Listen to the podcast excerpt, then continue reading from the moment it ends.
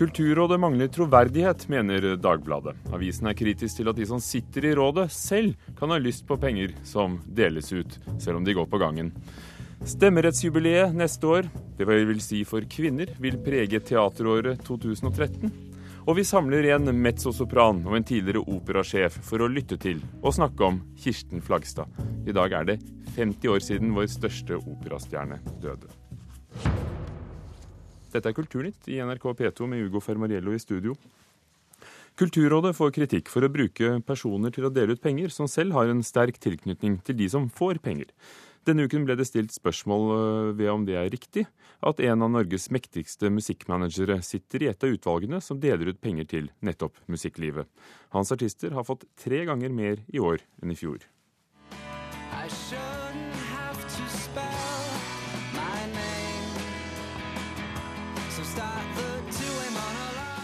Sondre Lerche, Rasika og Johan Olav Nilsen er noen av musikerne tilknyttet managementbyrået Made.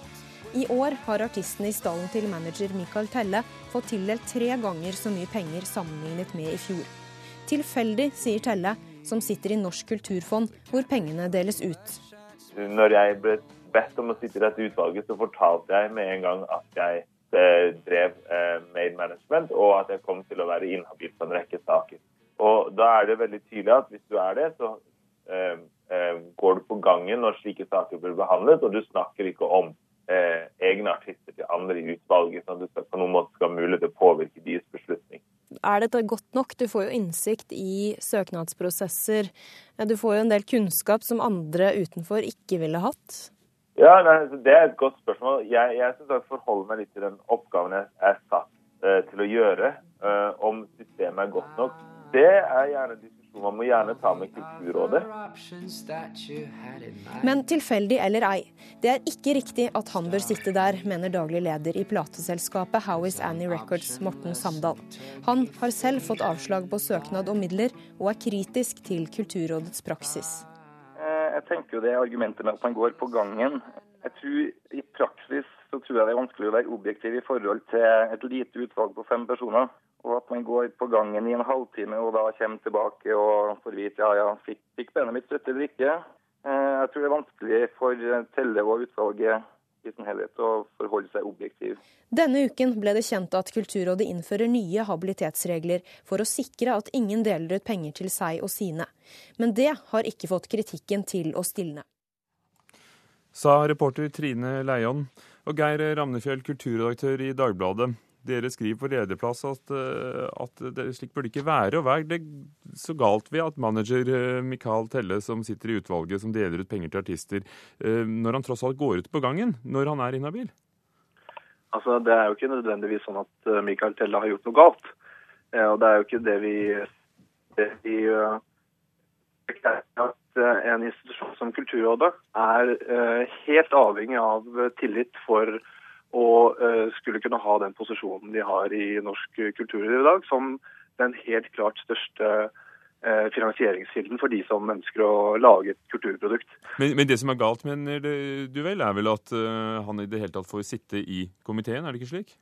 Nei, altså det at han får sitte i komiteen altså Kulturrådet har lagt seg på en sånn praksis at de ønsker å ha personer her som har kunnskap om feltet. og det, Jeg kan forstå det. Men det som, eh, det som, blir viktig, er når man skal håndtere de eh, sakene som kommer opp, så tror jeg de må gjøres på en litt annen måte enn at bare den enkeltpersonen går på gangen den ene gangen. For eh, det er veldig lett for folk som, som kommer i den situasjonen at de ikke får tildelt penger ved en, ved en sånn runde.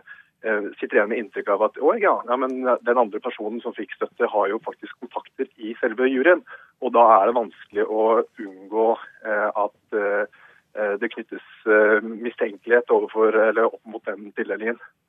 Hva kunne de gjort? La oss høre hva du mener at de burde gjort før vi slipper til Kulturrådet. Ja, det, det, altså det, det, er litt opp til dem å finne ut av det, for det, det er jo deres oppgave. Men, men, eh, det kan vel ikke være sånn at det er fem stykker som sitter i det utvalget. Det kan ikke være sånn at, alle, at de kjenner alle i, i hele norsk musikkbransje til sammen. Altså, hvis det er en sak som, hvor en av de er inhabil, eh, så bør det kunne vurderes f.eks. å løftes ut av eh, utvalget.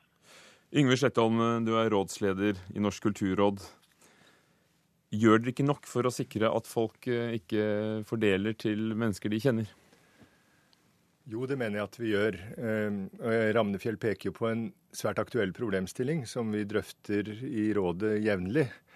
For én ting er de rent formelle reglene for habilitet. Eh, hvor de i og for seg ikke har noe problem, og hvor vi har vårt eget reglement og vi er nøye med å praktisere det. Og på hvert eneste møte så er det en habilitetsrunde, sånn at de fratrer som, eh, som er inhabile eh, av en eller annen grunn. En annen ting er jo hva slags utvalgsmedlemmer vi ønsker, og, og hvordan de skal forvalte sin oppgave med troverdighet. Og vi har jo valgt, og det er en viktig del kulturpolitisk sett, at de som forvalter eh, ordningene og som eh, avgjør søknader, skal være personer som selv er aktive, og personer som selv har et ståsted på de feltene de skal forvalte.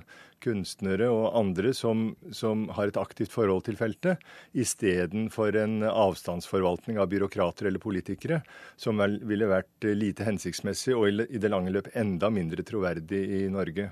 Og, og da mener du at løsningen er simpelthen at på en eller annen måte kjenner alle alltid noe noen, eh, så da må de bare gå på gangen. Ja, det, det, er den måten vi må håndtere det på. Og det er ikke noe mistenkelig i det å være inhabil. Det er tvert imot helt OK. Eh, men man må bare håndtere det på de måtene det skal håndteres. Og, og, og i alle utvalg, og også i rådet selv, så vil det i mange saker være folk som uh, må gå på gangen. Og de går jo på gangen når søknaden behandles, men de går også på gangen når deres habilitet skal vurderes. Og andre måter å håndtere det på er det vanskelig å se at vi skal ha. Og så rulleres jo både utvalg og råd over tid. Det er ikke de samme personene som sitter år ut og år inn og forvalter eh, fellesskapets midler på denne måten. Men det er jo Hvor lenge sitter de? Ja, altså Rådet oppnevnes for fire år, og, og, og man, kan, man, kan, gjenoppnevnes for en periode. Men det rulleres jo med oppnevninger innimellom. Så i løpet av noen år så vil alle utvalgene og rådet selv være skiftet ut. Og, og Geir Ramnefjell i Dagbladet, da høres det ut som at i løpet av noen år så har nesten alle innenfor enhver kunstsjanger eh, fått en plass der? Ja, det er, jo, det er, jo, hyggelig det, men eh, det fjerner jo ikke problemet med at uh, ved enkelttildelinger så vil det kunne stilles spørsmål ved om, om det at en person gikk ut på gangen var tilstrekkelig. Det er det jeg mener med at det kanskje kunne være en idé f.eks. å løfte noen saker ut av, eh, ut av utvalgene. og f.eks. la det være opp til, til eh, medlemmene i selve Kulturrådet f.eks. å ta stilling til saken. Mener du at det er et stort problem at uh, kunstnere og andre utøvere innen forskjellige sjangere ikke har tillit til at dette fordeles uh, uh, renhårig? Ja, det, det, blir, det blir veldig, veldig vanskelig for meg å svare helt bastant på det.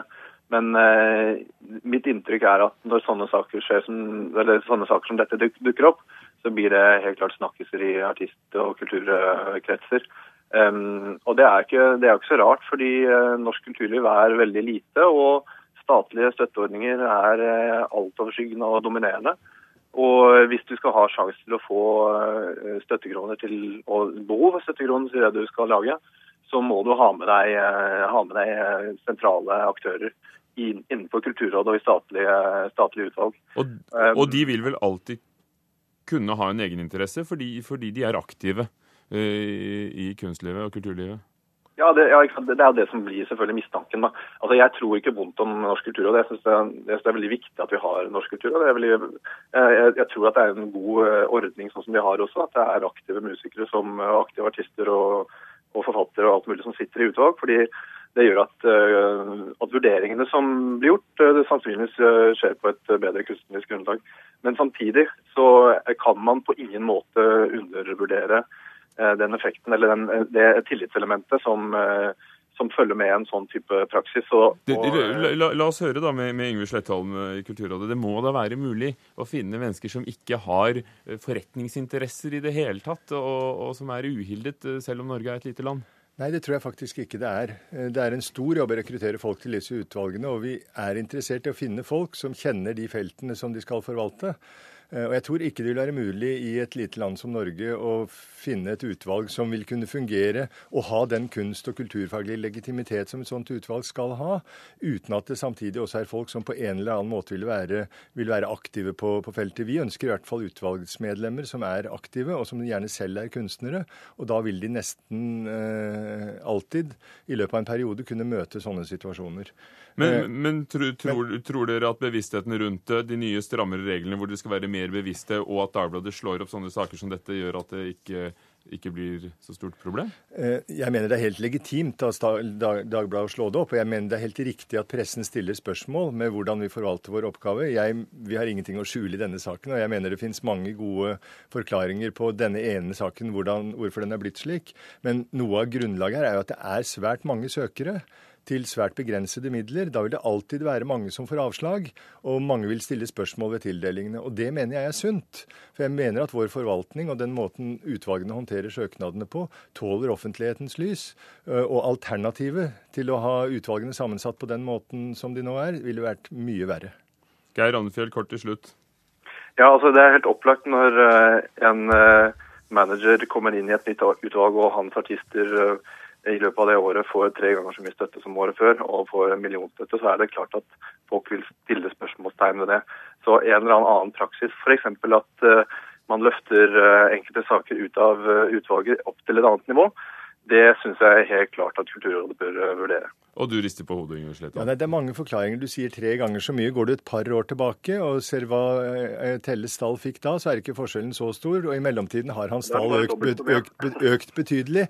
Og, og, og, dette eh, kan være utmerket godt være tilfeldig utslag. Og vi håndterer saker på de nivåene de skal håndteres i rådet. Og, og jeg er ganske komfortabel med situasjonen sånn som den er. Og der setter jeg en strek. Takk skal dere ha. Yngve Slettom, leder i Kulturrådet, Geir Ravnfjell, kulturredaktør i Dagbladet. Og i dag tar vi med, har Kulturrådet nettopp delt ut 20,7 eh, millioner kroner til prosjekter innen fri scenekunst, dans og teater. Søknadsfristen eh, som var i september, den eh, samlet inn 206 søknader. Og støtteordningene har da til sammen en søknadssum på 106 millioner kroner. Så det dreier seg om mange søknader og mye penger.